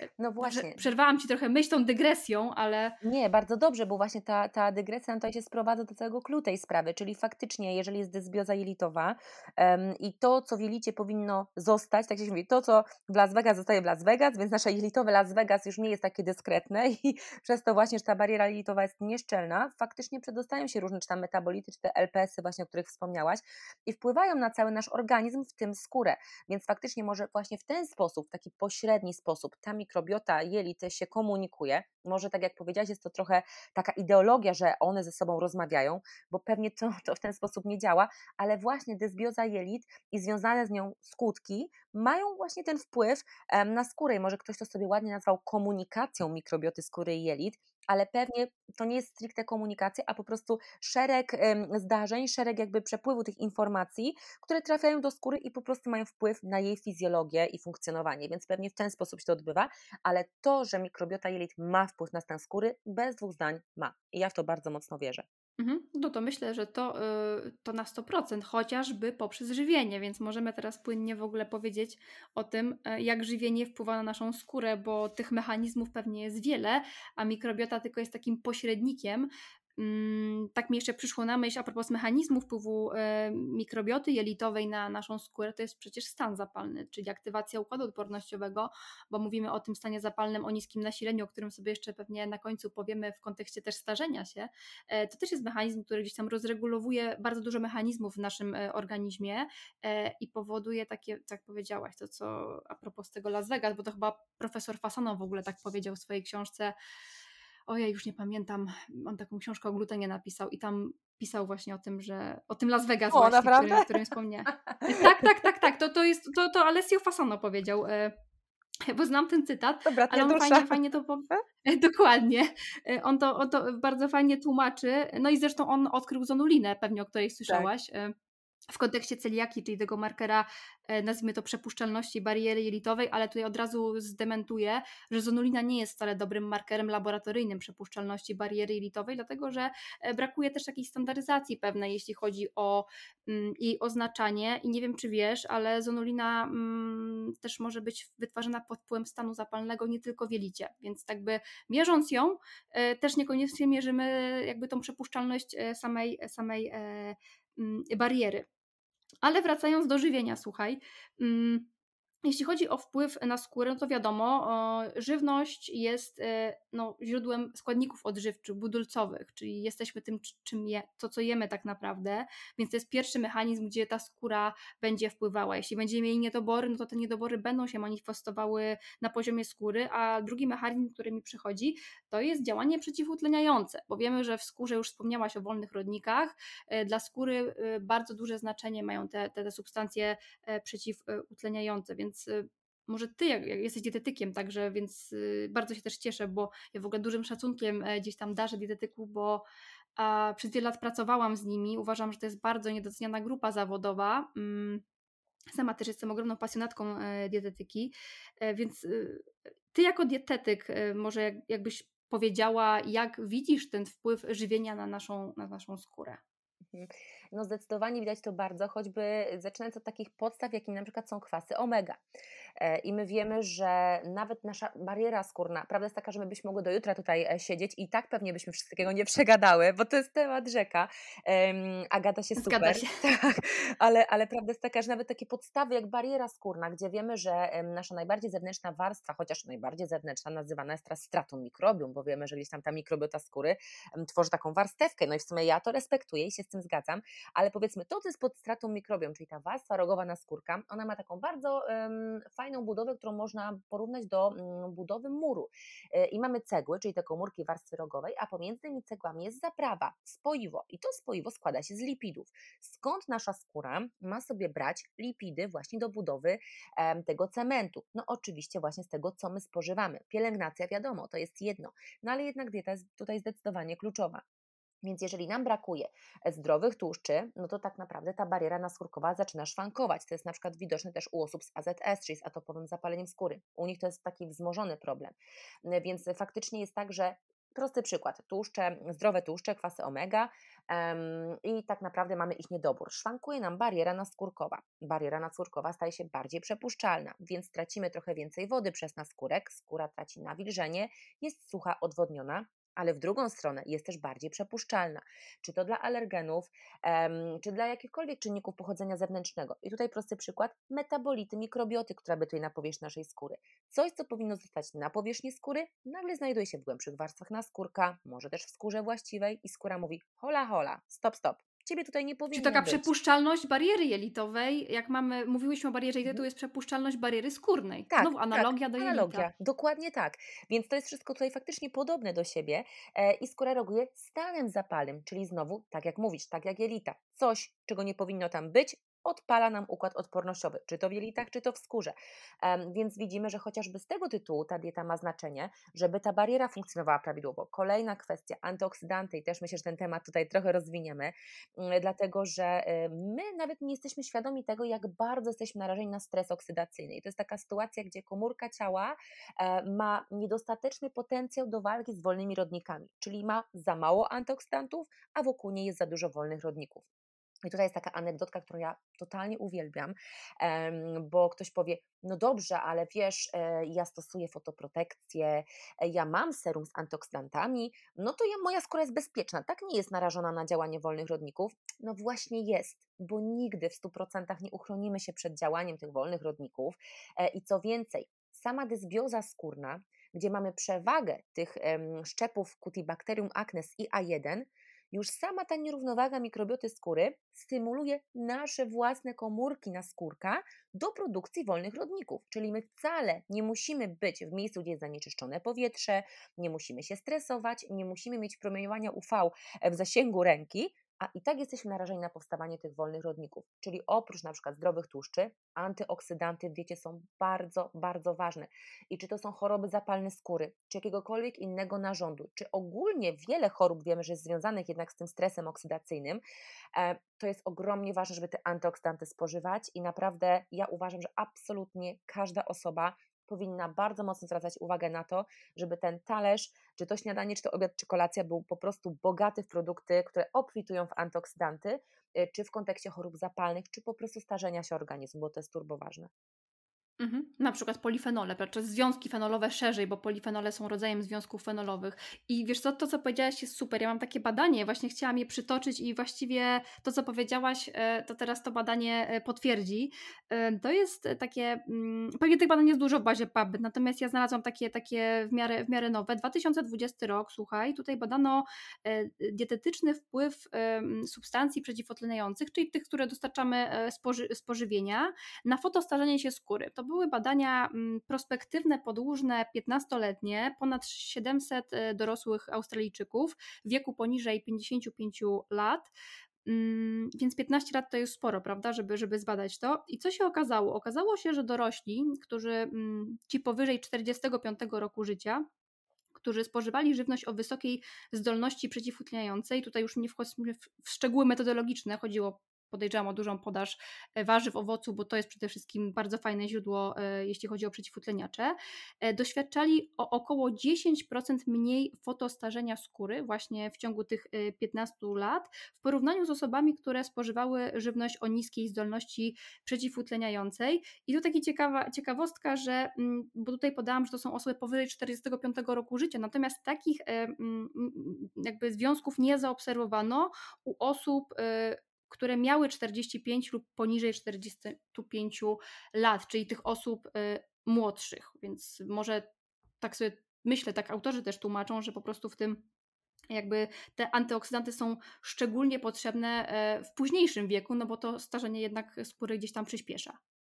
Zdecydowanie tak, e, bo też wiemy, że gdzieś tam ta zdolność komórek do regeneracji z wiekiem spada, e, więc o ile młoda komórka zregeneruje się troszkę szybciej, no to ta starsza komórka faktycznie idzie jej to troszeczkę ciężej, więc to wsparcie mm, no jest dużo bardziej potrzebne, chociaż ja uważam, że na co sobie zapracujemy w młodości, tak później mamy na starość, więc ta profilaktyka, nawet jeżeli ktoś powie, ojejka, ja teraz jestem piękna, młoda, mam pełno siły, nie jestem na nic chora, to spokojnie, jak już mój organizm zacznie się starzeć, to wtedy się zajmę tą antyoksydacją. No właśnie nic bardziej mylnego, bo że to, że coś jest niewidoczne na razie gołym okiem, nie znaczy, że to już się nie dzieje. I właśnie to w kontekście starzenia się skóry jest naprawdę ogromnie ważne, bo pewnie mm, zahaczymy sobie dość mocno ten temat, więc nie wiem, czy to jest dobry moment na powiedzenie właśnie o, mm, o tym inflamagingu. Też sobie to pewnie troszeczkę zaraz bardziej rozwiniemy. Może zostawmy na koniec Alicja. Wiesz, mam, tak, mam to fajnie tak wszystko przygotowane e, jako takie właśnie uwień, uwieńczenie właściwie naszej rozmowy, tak? Bo tak chciałam pomalutku e, do celu. Myślę, że zahaczmy o temat jeszcze niedoborów pokarmowych. To też jest temat rzeka i powiedziałaś o kwasach omega-3, które są no, dosyć niedoborowe, jeśli chodzi o populację, szczególnie no, Polacy nie, jednak nie lubią ryb, tak? Nie jesteśmy narodem, który jakoś uwielbia ryby, więc te e, kwa, e, niedobory kwasu omega-3 są powszechne ale jeszcze chciałam powiedzieć o niedoborach mikroskładników, chociażby żelaza, które są bardzo powszechne e, u e, kobiet młodych i w średnim wieku. E, myślę, że ty się często spotykasz z niedoborami żelaza. E, tak, i najgorsze jest to, że też spotkałam się bardzo wiele razy z takimi przypadkami, że dana osoba na przykład ma 25 lat i mówi mi, że ma to od zawsze, e, że taka jej uroda, że tak słyszała, że ta anemia to tak już po prostu dana osoba ma. Dla mnie to jest zawsze alarm e, i po prostu jak najszybsza sugestia wizyty u, u lekarza, który gdzieś tam znajdzie przyczynę, bo tak naprawdę wiemy, że przyczyny tych niedoborów, zwłaszcza w przypadku na przykład żelaza, jak mamy niską, żelazo, niską ferytynę, niskie żelazo, no bywają czasami niepokojące, no bo jeżeli jeżeli tak jest, no to pewnie sama, sama doskonale wiesz i te, tutaj pewnie przyznasz rację, że albo mamy tutaj trzy opcje, albo to żelazo gdzieś nam ucieka i nie wiemy za bardzo jak to się dzieje, więc trzeba znaleźć przyczynę, albo jest niedobór po prostu jakby zbyt mała podaż w diecie, albo kolejna kwestia, że się nie wchłania i to też nie jest ok. Dlaczego to żelazo się nam tak Dokładnie słabo tak. Mhm. Właśnie, więc zostawienie tego... Trzeba szukać przyczyny po prostu przy każdej tak. anemii, przy każdym niedoborze, bo właśnie ten błąd taki, który jest popełniany, nie powiem, że często, bo to, to słowo jest akurat nadużywane, ale e, rzeczywiście zawsze trzeba znaleźć przyczynę, prawda? No bo co z tego, że komuś damy suplement w postaci żelaza, nawet uzupełnimy dietą, e, jak za jakiś czas problem wróci. Dokładnie tak, więc to jest faktycznie coś, na co zawsze trzeba zwracać uwagę i też w kontekście zmian skórnych e, są takie obserwacje, że faktycznie u osób, które mają niskie żelazo, niską ferytynę, te zmiany na przykład goją się troszeczkę trudniej na powierzchni skóry. I też ja zawsze uwielbiam taki schemat, jak na przykład są konsultacje i tak składa mi się obraz w całość i tak, Hashimoto? Tak, zostało zdiagnozowane, a niedobory i widzimy tutaj cały szereg, niska D3, B12, żelazo, ferytyna i dolegliwość ze strony układu pokarmowego, więc już jesteśmy w domu e, i od razu tutaj podejrzewamy gdzieś tam, że istnieje to e, SIBO, że ono tutaj występuje, ale tak jak mówisz, te niedobory, czy to właśnie cynk, chociaż właśnie wbrew pozorom niedobory cynku nie są aż takie częste, jakbyś nam mogło wydawać, ale ja tutaj, jestem tutaj fanką takiego porządnego zbadania się i jeżeli czegoś brakuje, to czy to dietą w miarę możliwości, a jeżeli się nie da, to suplementacją dołożenia po prostu tego, y, czego nam brakuje, chociaż przyznam szczerze, że dla mnie nie ma zmiłuj i omega-3 e, musi każdy. Każdy naprawdę, każdy na konsultację wychodzi z pakietem omega-3, no bo bez tego ani rusz. To się zgadzam z tą tak samo, bo, bo myślę, wiesz, no nie ma dobrego badania, które pokazuje nam te niedobory kwasów omega-3. Są jakieś badania, które badają te omega-3 w błonach erytrocytów, natomiast to też nie są takie badania, mm, które są dobrze wystandaryzowane e, i myślę, że nawet szkoda pieniędzy na takie badania. To akurat jest taki wyjątek właśnie, że te kwasy omega-3 możemy w ciemno dawać, one są bezpieczne jako suplement generalnie i mm, no jest duże prawdopodobieństwo, że mamy, mamy niedobory. Zresztą wiesz sama, jak jest na przykład z witaminą D, no w rekomendacjach nie ma rutynowego badania witaminy D, e, tylko tak naprawdę w grupach e, ryzyka, chociaż ja jestem fanem, żeby akurat zbadać, bo tu też pewnie z tym się spotykasz, że ludzie suplementują różne dawki i znowu jest problem z wchłanianiem i ta witamina D stoi w miejscu i teraz nie wiadomo, czy dawka jest za mała, więc mm, tutaj jakby wracając do kwasów omega-3 też się zgadzam z Tobą 100%. Y, mm, mam jeszcze taki jeden temat do poruszenia, który nam fajnie przejdzie w temat starzenia się, to są ages, czyli zaawansowane produkty glikacji. E, I w ogóle kwestia w ogóle spożycia cukru, nadmiernej podaży cukru w diecie e, i, i wpływu na, na naszą skórę, generalnie na zdrowie, bo tych mechanizmów jest kilka. E, AGES jest tylko jednym jakby z efektów nadmiernej podaży cukru. Jakby może powiedzmy na początku, czym są te e, ages, bo to tak fajna gra słowna akurat to jest, bo te ages to się kojarzy z wiekiem, a tak. to są elementy, które nam przyspieszają e, starzenie. Mhm. Czyli tak jak już powiedziałaś, to są te końcowe produkty glikacji, ma to związek z tą reakcją ja zawsze się zastanawiam, czy ja to dobrze wymawiam, Majarda, Maillarda? Maillarda chyba. Maillarda, e, Dwa L są, bo to tak byłoby mhm. z hiszpańskiego, że jak J się wymawia, ale no chyba Maillarda, ale też nie dam sobie ręki usiąść. No właśnie i to też taka ciekawostka, że ta reakcja zachodzi nam e, podczas stosowania samoopalacza, gdzie właśnie białka e, komórek warstwy rogowej na skórkę tak reagują nam tutaj z mm, właśnie cząsteczką, e, substancją aktywną, która jest stosowana, tutaj akurat dihydroksaceton właśnie w samoopalaczach, więc to też taka ciekawostka. No i A zapytam jeszcze przy mhm, okazji, Jasne. czy, ona, czy samoopalacz może nam przyspieszać starzenie skóry? Tak, tak trochę na chłopski rozum to wzięłam, że Jasne. skoro wytwarzają się produkty Maillarda, no to może nam przyspiesza starzenie skóry. W mojej opinii raczej nie, dlatego to jest bardziej, to jest tak, bardzo tak powierzchownie działa. To działa właśnie z tą górną warstwą komórek tej warstwy rogowej na skórka, więc myślę, że to jest takie bardzo powierzchowne działanie e, i, i też myślę, że możemy sobie, na pewno są bezpieczniejsze niż, niż kąpiele słoneczne w celu poprawy kolorytu skóry, więc, więc chyba szła, szłabym w tym kierunku, ale właśnie też super, że, że ruszyłaś ten temat tego ages, bo wiemy, że też produkty pochodzenia zwierzęcego są bardzo bogate w te ages, no i ktoś powie, ojej, ja się nie muszę tym przejmować, bo ja tak naprawdę jestem na diecie wege i mnie to nie dotyczy, więc proces starzenia się e, czy organizmu, czy skóry mnie nie dotyczy, bo ja tych ages nie spożywam. No ale zła wiadomość jest taka, że my też niestety w sobie je wytwarzamy, to są tak zwane te endogenne ages, we wszystkich tkankach naszego organizmu, w płynach ustrojowych naszego organizmu, bo ta reakcja glikacji po prostu zachodzi. Jest bardzo mocno związana z dietą i zła wiadomość jest taka, że te ages niestety no bardzo nam nasilają stan zapalny i tutaj też ma to związek ze stresem oksydację, czyli jeżeli tworzą się te warunki, e, znaczy tworzą się te ages, czyli te końcowe produkty e, glikacji, one promują stres oksydacyjny, czyli komórka w tym momencie, jeżeli nie ma tej armii w postaci solidnej grupy antyoksydantów, będzie na te ages bardziej e, narażona. I mi się bardzo podobało tutaj e, taka nazwa Rage Age. to super brzmi właśnie i to kojarzy mi z jakimś takim zespołem rockowym, e, no ale faktycznie gdzieś tam te, te rage y, są, to są te receptory, które wyłapują nam te y, właśnie ages, czyli te produkty końcowe glikacji. Czyli tak go mhm. podsumuję, Alicja, jest e, rage to jest receptor, czyli ten odbiornik, który tak. rozpoznaje age, czyli te produkty glikacji, łączy się i idzie informacja do komórki, że Dokładnie. są i nasila się chyba stres oksydacyjny wtedy. Tak, stres oksydacyjny, tak, czyli ten kompleks age rage, czyli właśnie połączenie tego receptora z tym e, końcowym produktem klikacji właśnie wywołuje szereg gdzieś tam, um, całą kaskadę tych procesów, w tym właśnie nasilenie tego stresu oksydacyjnego i też jakiś czas temu udało mi się znaleźć bardzo ciekawą publikację właśnie nawiązującą do e, tego kompleksu age rage, um, według której e, ten kompleks, czyli ten moment po połączeniu się właśnie tych produktów e, końcowych glikacji z receptorem RAGE promuje stres oksydacyjny w naszym organizmie oraz e, aktywuje czynnik transkrypcyjny i to jest taka trudna nazwa NF-kappa beta. E, i wiemy, że ten czynnik transkrypcyjny pełni bardzo ważną rolę w chorobach zapalnych, w tym chorobach zapalnych skóry, na przykład trądziku, więc widzimy, że ten kompleks age rage i ogólnie te ages, czyli te właśnie końcowe produkty glikacji mają kluczową rolę nie tylko w procesie starzenia się skóry, ale też właśnie jeżeli chodzi tutaj o choroby zapalne, pełnią też kluczową rolę na przykład e, w trądziku. Mhm. E, no to to jest e, bardzo ciekawe, też pokazuje właśnie jak ten stan zapalny ma, ma ogromne znaczenie, mm, czyli tak jakby podsumowując te ages, bo pewnie osoby, które nas słuchają by się zastanawiały, jak unikać tych agesów, czyli po pierwsze ages, czyli te produkty glikacji powstają u nas w organizmie wewnątrz pod wpływem na przykład wysokiego poziomu glukozy we krwi, czyli jak będziemy jedli produkty o wysokim indeksie który będzie windował nam do góry tą, tą glukozę, to te produkty glikacji będą powstawały. Ja to jako ciekawostkę powiem, to pewnie to wiesz, ale hemoglobina glikowana tak, e, tak. jest produktem glikacji, prawda? A my ją wykorzystujemy w laboratorium do monitorowania e, glikemii w ciągu ostatnich trzech miesięcy, na przykład u cukrzyków. E, jest to bardzo, bardzo dobry marker, więc takie hemoglobina jest tylko przykładem takiego produktu glikacji, ale tak jak, jak mówiłyśmy, w skórze też te produkty glikacji powstają, między innymi zmodyfikowany kolagen, a drugim źródłem produktów glikacji to jest to, co my jemy tak naprawdę mm, i tu szczególnie takie przypieczone, grillowane mięsa, szczególnie tłuste, mhm.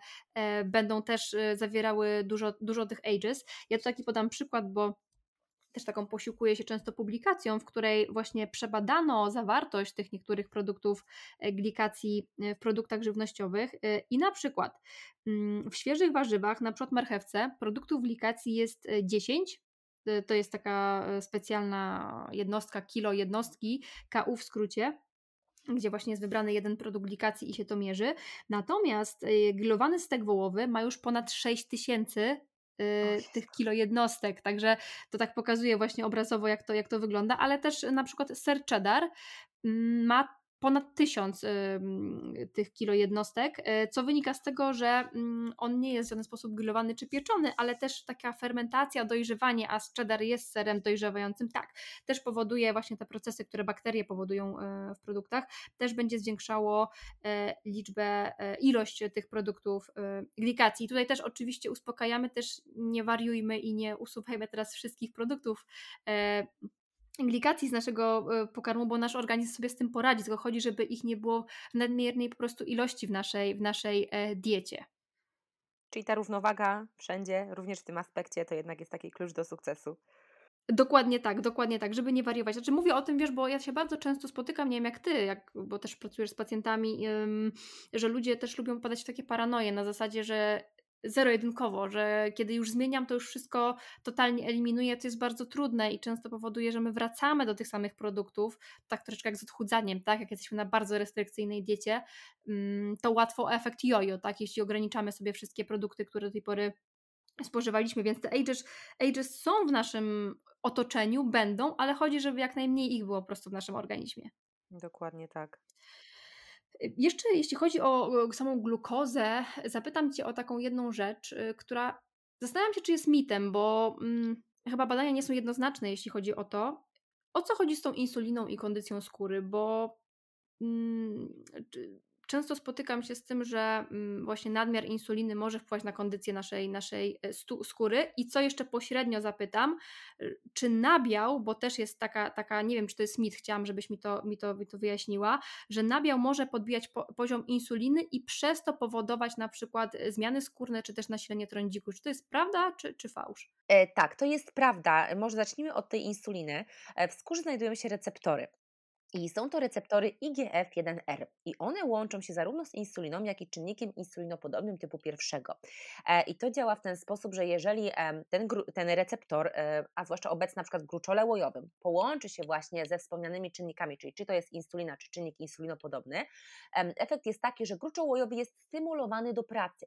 Więc jeżeli u danej osoby te receptory są wrażliwe, bo pamiętajmy, że to też jest taka bardzo indywidualna kwestia, jeżeli chodzi o wrażliwość tych receptorów, czy w skórze, czy w całym organizmie, ale jeżeli faktycznie ten receptor jest wrażliwy i połączy się z insuliną czy, y, czy tym czynnikiem y, insulinopodobnym typu pierwszego, to faktycznie realnie wpływa to na pracę gruczołów łojowych. A wiemy, że na przykład e, im więcej sebum produkowanego przez gruczoły łojowe, tym większe ryzyko powstawania zmian skórnych. Więc tutaj faktycznie, jeżeli dana osoba ma problem z gospodarką węglowodanową e, i na przykład ma zdiagnozowaną insulinooporność, to tutaj naprawdę powinna bardzo uważać na dietę, bo to też będzie miało wpływ właśnie na stan skóry. I ktoś powie, no dobrze, ale wiesz, nie do końca w to wierzę, bo zobacz, moja koleżanka je tonę słodyczy dziennie, w ogóle nie dba o dietę um, i nie ma trądziku, na przykład jej skóra jest piękna, no i dlaczego ja mam nie pozwolić sobie na coś słodkiego, e, skoro jak widać dieta nie ma wpływu no właśnie ma wpływ, bo na przykład ta koleżanka nie ma insulinooporności, nie ma e, zespołu policystycznych jajników, a ja na przykład mam, więc u mnie siłą rzeczy te receptory będą wrażliwsze i to będzie bardziej widoczne, więc tak naprawdę u każdego jest zupełnie inaczej, ale moim zdaniem, jeżeli dana osoba ma faktycznie problemy mm, skórne i mówię tutaj w kontekście trądziku, to naprawdę ta dieta powinna być zbilansowana i czy to dieta DASH, czy to dieta śródziemnomorska, bardzo taka sfokusowana właśnie na antyoksydację, na produkty przeciwzapalne, wyrównująca niedobory, jest tutaj najważniejsza. E, I teraz nabiał, no właśnie, to jest y, super pytanie, kwestia nadal bardzo kontrowersyjna. No i na przykład niektóre osoby mówią: Aha, dobra, e, ja mam trądzik, więc w takim razie ja tutaj w ogóle mm, nie będę e, kompletnie tutaj spożywać nabiału, no bo mam nabiał w diecie i to na pewno powoduje mój trądzik. To jest rozsądne, i tak i nie, bardziej niestety chyba jestem za tym, że to nie do końca jest rozsądne, bo pamiętajmy, że ten nabiał faktycznie jest nam potrzebny i później możemy się nabawić jakichś niedoborów i to też jest gdzieś tam bardzo mm, widoczne, jeżeli chodzi o funkcjonowanie naszego organizmu. No on jest gęsto odżywczy, tak? Trudno go czymś zastąpić podobnym, prawda? Jeśli chcielibyśmy go wyeliminować. Otóż to, ale właśnie dlaczego tak jest, że ten nabiał może nasilać, w tym przypadku akurat trądzik, czyli te zmiany skórne? E, głównie mleko jest właśnie takim produktem, które promuje sygnalizację kinazy mTORC1. To jest taka ładna nazwa i właśnie ta kinaza mTORC1, e, ona ma związek z insulinoopornością, i ona poprzez kaskadę procesów może też w sposób pośredni stymulować produkcję sebum i nasilać te zmiany trądzikowe. Czyli tak naprawdę, kiedy my tutaj patrzymy pod kątem trądziku i nabiału, to takie te najczęściej pojawiające się mechanizmy to na pewno tak, stymulowanie e, produkcji insuliny i tego czynnika IGF-1, czyli tego insulinopodobnego czynnika wzrostu typu pierwszego, które jak wiemy stymulują jakby gruczołojowe do pracy. E, druga kwestia są to te aminokwasy BCAA, czyli to są te rozgałęzione aminokwasy, tak, których też jest w mleku dość sporo i też mówi się, że one, są na to jakby mm, badania, że one też mogą nasilać powstawanie mm, zmian skórnych. Kolejna rzecz, e, kwas palmitynowy, który gdzieś tam faktycznie jest obecny w tym tłuszczu mlecznym. Też podejrzewa się, że być może to kwas palmitynowy w nadmiarze jest też związany właśnie z nasileniem tych stanów zapalnych.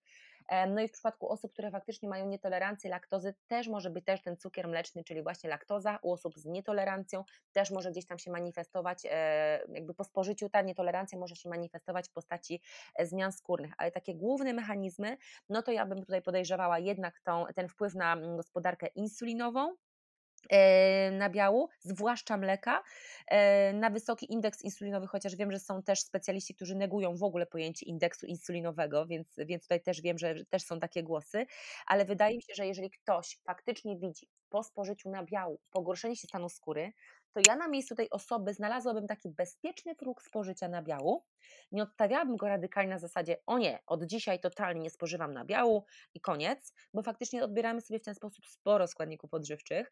E, znalazłabym taki bezpieczny próg. Na start można zredukować ilość spożywanego nabiału e, i zaczęłabym na przykład od mleka, czyli zostawiłabym jogurty, zostawiłabym sery, ale zobaczyłabym na przykład, czy samo odstawienie mleka i zastąpienie go mlekiem roślinnym, ale nie rezygnowanie w 100% w ogóle z nabiału przyniesie poprawę, bo jednak to mleko jest tutaj mm, brane najczęściej na tapetę jako właśnie najbardziej takie e, insulinogenne, e, insulinogenny jakby czynnik, ale ja tak bym właśnie zrobiła, że znalazłabym taki bezpieczny próg spożycia nabiału, nie rezygnowałabym z twarogu, nie rezygnowałabym z właśnie jogurtów, zobaczyłabym co z tym mlekiem, ale też uwaga na te napoje roślinne, bo obydwie wiemy jak to jest, że czasami napój roślinny ma cukier na drugim miejscu w składzie, a też wiemy, że nie o to chodzi, więc też rozważne czytanie etykiet myślę nam tutaj może pomóc.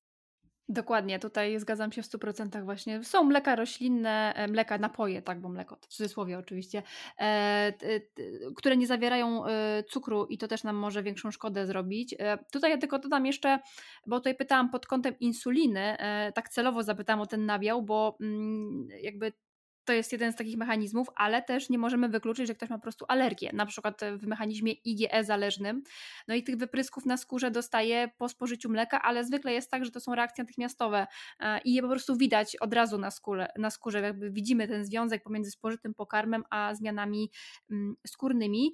Ja jeszcze tylko dodam tak od siebie, nie wiem czy ze mną zgodzisz, e, kwestii nietolerancji histaminy dlatego że to jest dosyć powszechny problem, który towarzyszy wielu chorobom, e, co nie wynika z pewnych jakichś wrodzonych predyspozycji, ale na przykład nie, mamy problemy z przewodem pokarmowym, no i ta histamina jest gorzej e, rozkładana, te komórki tuczne mogą być też gdzieś e, pobudzone, które mamy, mamy w skórze i na przykład takie sery dojrzewające no, mogą powodować na przykład swędzenie skóry. Mm-hmm, mm-hmm. Bo one tak, mają dużo ja... histaminy. Tak, tak, tak, może tak być zdecydowanie. I ja też właśnie e, zaobserwowałam, że gdzieś tam osoby trochę pochopnie podchodzą do tego, że o jejka, mam nietolerancję histaminy e, i upatrują to jako taki defekt genetyczny, a, a też wiadomo, że może to być związane z dysbiozą jelitową. I faktycznie ta histamina nieszczęsna ma tutaj wpływ na powstawanie zmian skórnych, bo e, łącząc się z receptorami histaminowymi w gruczołach łojowych wpływa na skład sebum. I niestety, ale też ma wpływ na zawartość skwalenu w sebum, a skwalen niby fajnie, bo jest to mm, emolient, i wszystko super, ale jest to e, substancja bardzo niestabilna, właśnie pod wpływem promieniowania UV bardzo łatwo się utlenia do nadtlenku skwalenu, który ma działanie drażniące, e, no i też można nasilać właśnie powstawanie tych zmian skórnych, więc jeżeli coś się dzieje i są, tak jak mówisz, e, objawy mogące wskazywać na nietolerancję histaminy, czy to nabyta, czy wrodzona, ja bym podrążyła ten temat, bo faktycznie jest to no tutaj dość częste. Mhm. Bardzo ciekawy temat, powiem tak, tak sobie pomyślałam, kurczę, że, że ten, ten nabiał w ogóle jest taki e, problematyczny, bo nie wiadomo, widzisz, nie powiedziałyśmy jednego mechanizmu, który on może działać na skórę, a może, więc to trzeba wszystko wziąć pod uwagę i tu też od razu powiem, że też jest to trudno zbadać e, jakimś jednym badaniem, narzędziem, żeby stwierdzić, tak, mamy nietolerancję histaminy, tak, mamy nietolerancję na przykład laktozy albo jakąś e, alergię w mechanizmie na przykład IgE zależnym. Także ten nabiał, e, tu się zgadzam z tą, że też warto wziąć na, tap, na, tapet, na tapetę, na tapet się podobno mówi, ja mówię zawsze na tapetę. Ja też mówię na tapetę. Upomnia. No właśnie, nie wiem, język się szybko zmienia, chyba szybciej niż my. Mm, także ten temat jest mega, mega, mega e, ciekawy. Mm, na zakończenie chciałabym też jeszcze powiedzieć właśnie o samym starzeniu skóry, bo y, chyba y, to nie tylko panie, tak, ale szczególnie panie mają jakby na punkcie swojej skóry gdzieś tam E, fioła, że tak powiem kolokwialnie, I to, co powiedziałaś e, w którymś momencie, jak rozmawiałyśmy, że e, rzeczywiście tych zmian tak od razu na skórze nie widać. To tak jak troszeczkę z miażdżycą. E, ja to podaję jako taką chorobę, która nie boli, a potem wiesz, przychodzi pewien wiek i my dostajemy zawału albo udaru, bo jej też nie widać tej miażdżycy, a na nią pracujemy tak naprawdę całe życie. Ostatnio nawet sprawdziłam takie dane, że jakby pierwsze zmiany miażdżycowe robią się nam już na, gdzieś w okresie dwudziestu kilku lat, mm, a my tego tak naprawdę nie, nie widzimy. No właśnie, więc gdzieś tam pracujemy to całe życie. Podobnie jest ze skórą zresztą. Rzeczywiście te efekty potem, e, potem widać i to nie jest tak, że nagle zaczyn- nie wiem, starzejemy się i zaczynamy dbać na skórę i będzie, będzie e, super. Na pewno dieta, czyli generalnie styl życia jest takim e, elementem, który będzie wpływał na, na opóźnienie starzenia. Znalazłam taką informację, nie wiem czy się ze mną zgodzisz, że mm, są oczywiście szacunki pewne, że fotostarzenie skóry, mm, za fotostarzenie skóry odpowiada w 80% właśnie promieniowanie e, słoneczne. Mhm. Oj tak, zdecydowanie tak. To jest jedna z głównych przyczyn starzenia się skóry. E, no i tak naprawdę częściowo mamy ją trochę na własne życzenie, właśnie nie stosując tej e, fotoprotekcji i też antyoksydacji, bo to powinno iść zdecydowanie w duecie, jeżeli chodzi właśnie o takie, taką profilaktykę anti-aging. I tak faktycznie jest, że to promieniowanie UV naprawdę nasila produkcję wolnych rodników w skórze, więc tutaj no, przykłada naprawdę ogromną e, swoją dłoń do, do tego starzenia się skóry. Takiego najpierw niewidocznego, a później już niestety bardzo widocznego gołym okiem.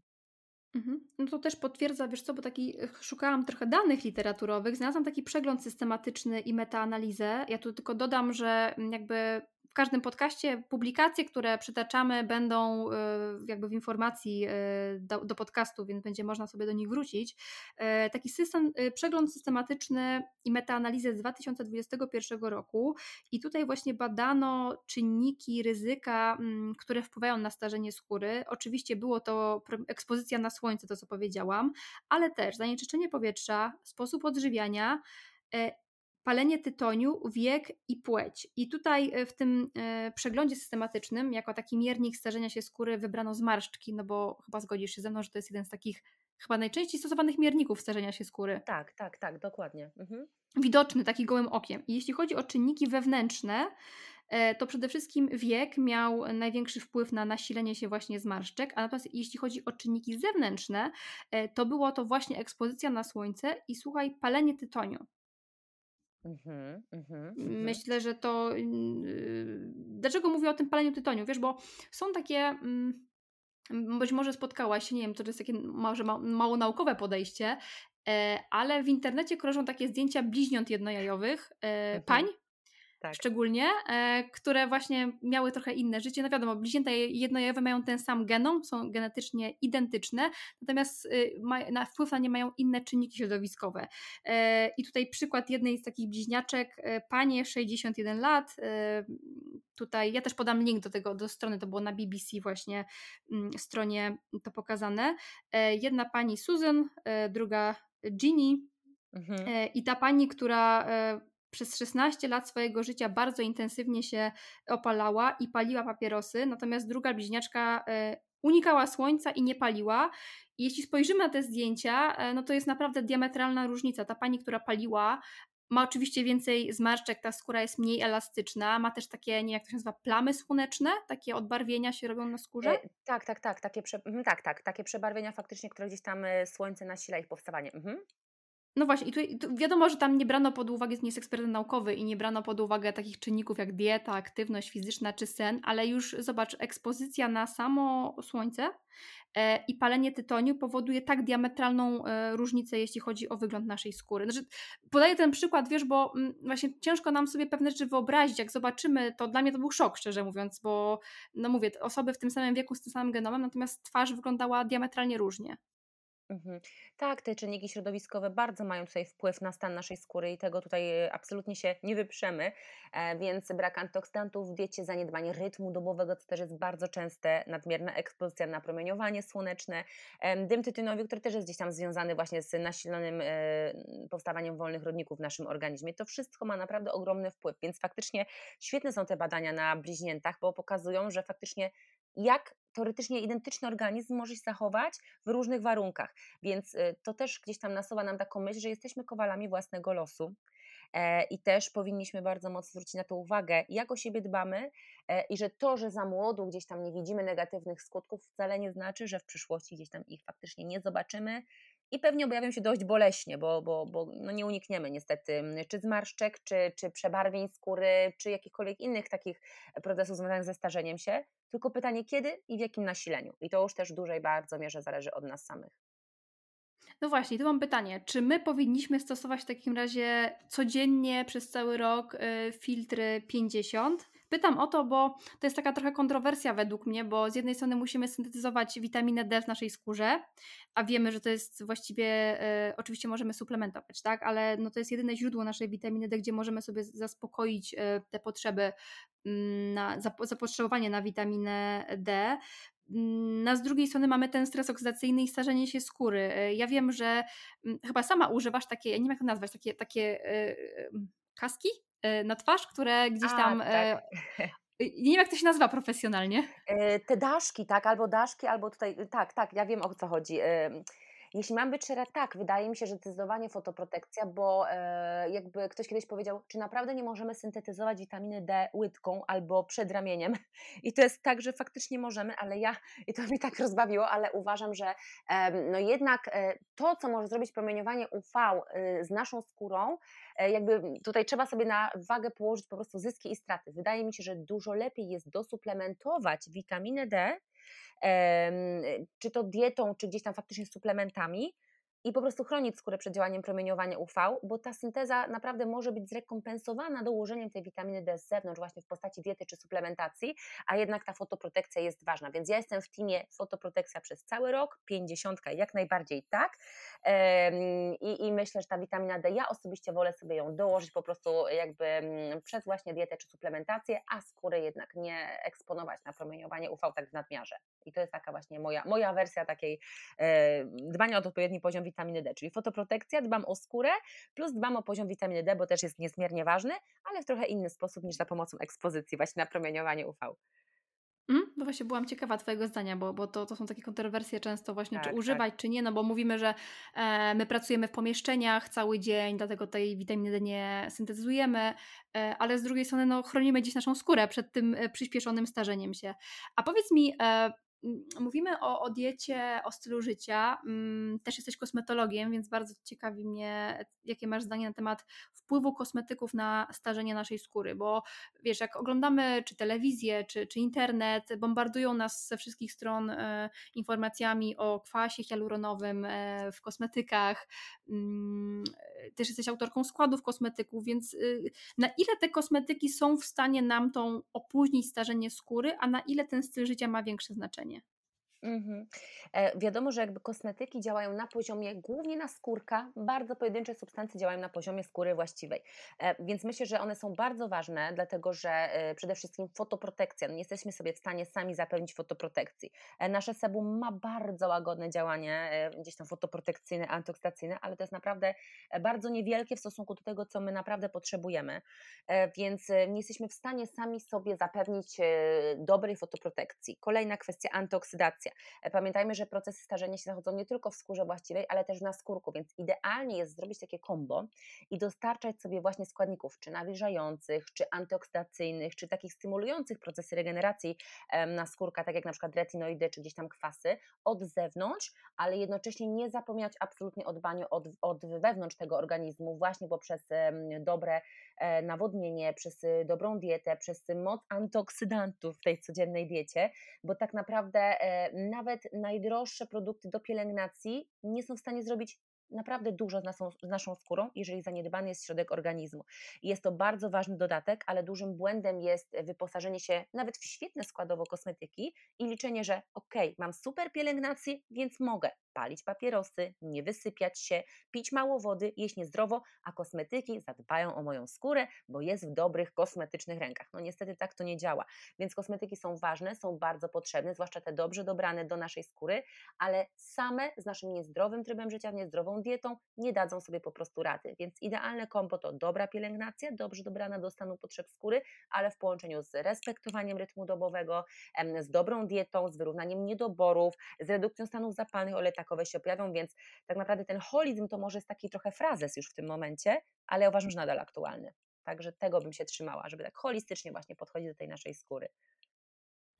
Y, no to, co powiedziałaś, tak powiedziałaś, że truizm, ja też to często powtarzam, ale jakby nauka nic nowego tak naprawdę nie wymyśliła i powiem Ci, że e, no te same rady dajemy w kontekście czy chorób metabolicznych, chorób sercowo-naczyniowych, cukrzycy, nowotworów, no i też widzę, że w kontekście skóry są te same zalecenia, więc jakby spełniając je, my tak naprawdę dbamy o każdy organizm i powodujemy prewencję różnych, różnych e, chorób.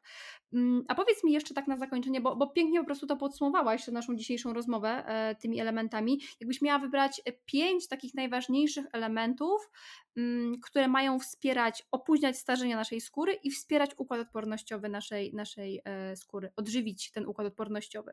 Mhm, czyli pięć takich kluczowych, pięć kluczowych tak, elementów. Tak, pięć, tak jakbyś miała. Wiadomo, mhm. że ich jest dużo, mogłoby być dziesiątki ich wymieniać. Takich pięć najważniejszych, taki top, mhm. Y, czy taki must have, jeśli chodzi o y, opóźnienie starzenia skóry i dbanie o układ odpornościowy skóry. Mhm. E, to na pewno tak. E, zadbanie o rytm dobowy nieprzekraczanie momentu, kiedy wydziela się maksymalna ilość melatoniny, czyli ta druga, druga 30 w nocy, czyli rytm dobowy numer jeden. Odpowiednie nawodnienie organizmu często kuleje, a jest niezwykle ważne. Trzecia rzecz, e, myślę, że odpowiednie radzenie sobie ze stresem, bo też stres, pamiętajmy, że wpływa na wszystko w naszym organizmie, w tym na stan skóry, na stan jelit. E, nie wiem, pewnie widziałaś te badania e, rewelacyjne, które gdzieś tam pokazują, że osoby, które mają na przykład depresję, u nich dużo częściej pojawia się dysbioza jelitowa na przykład. Ja mówię, kurczę, niesamowite, mhm. czyli ta oś jelito-mózg skóra, no faktycznie jest i nikt mi nikt nie mówi, że to nie istnieje, bo ja w to bardzo mocno wierzę, więc znowu to, to radzenie sobie ze stresem, absolutnie nie powiem teraz, nie stresuj się, no po co się stresujesz, każdy gdzieś tam się stresuje z różnych przyczyn. Budowanie odporności na stres. Ja zawsze teraz o, y, o tym mówię, bo, bo rzeczywiście tego stresu nie unikniemy, a to, co możemy zrobić, to budować tą odporność na stres, czy to psychicznie, czy fizycznie. Dokładnie tak, więc mamy ten punkt numer 3. Punkt numer 4, odpowiednia dieta, e, która dostarcza antyoksydantów, która dba o mikrobiotę jelit przede wszystkim, e, która jest jak najbardziej uboga w takie wysoko przetworzone produkty, która skupia się na wyrównywaniu naszych niedoborów, która jest dopasowana do nas, a nie tylko dlatego stosowana, bo jest modna, bo też wiemy, że to jest taki dość kontrowersyjny temat, czyli coś, co służy koleżance, nie musi służyć mi, e, więc po prostu, jeżeli mamy wątpliwość, konsultujemy się ze specjalistą, który nas poprowadzi za rękę wśród jakby przez te meandry dietetyczne i na własną rękę czasami naprawdę jest to trudne, żeby sobie to, tę odpowiednią dietę dobrać, więc dobra dieta, bogata naprawdę w odpowiednie produkty, nieprzetworzone, jak najbardziej tak. I numer pięć, faktycznie dobra pielęgnacja, która łączy fotoprotekcję, która łączy antyoksydację, odpowiednie nawilżenie, wsparcie bariery mm, lipidowej i też w kontekście odporności skóry, też taka, która wspiera mikrobiotę skóry, e, czyli prebiotyki stosowane w kosmetykach, na przykład fruktoligosacharydy i inulina, czyli też pamiętajmy o tym, że mikrobiota skóry też jakby tutaj musi być zaopiekowana i zarąbisty temat, e, który się gdzieś tam pojawił, to są H-biotyki, czyli probiotyki, o. na przykład Bacillus ferment tak działa, probiotyki, które stymulują naszą skórę do produkcji antyoksydantów, czyli probiotyki, które działają anti-aging, więc moim zdaniem przeszczepy mikrobioty skóry i kosmetyki z żywymi probiotykami to jest coś, co nas naprawdę czeka i wybuchnie naprawdę mm, na bardzo, bardzo po prostu kolorowy sposób, bo wydaje mi się, że to jest przyszłość. E, I tak jak poszliśmy już daleko w temacie mikrobioty jelit, a nadal nie wiemy wszystkiego, tak myślę, że kwestia mikrobioty skóry i jakby tematów szeroko pojętych i z nią związanych to jest naprawdę przyszłość. I gdybyśmy się teraz spotkały za 2-3 lata na identycznej rozmowie, to myślę, że też będziemy o kilka ładnych kroków do przodu, jeżeli chodzi właśnie o mikrobiotę skóry.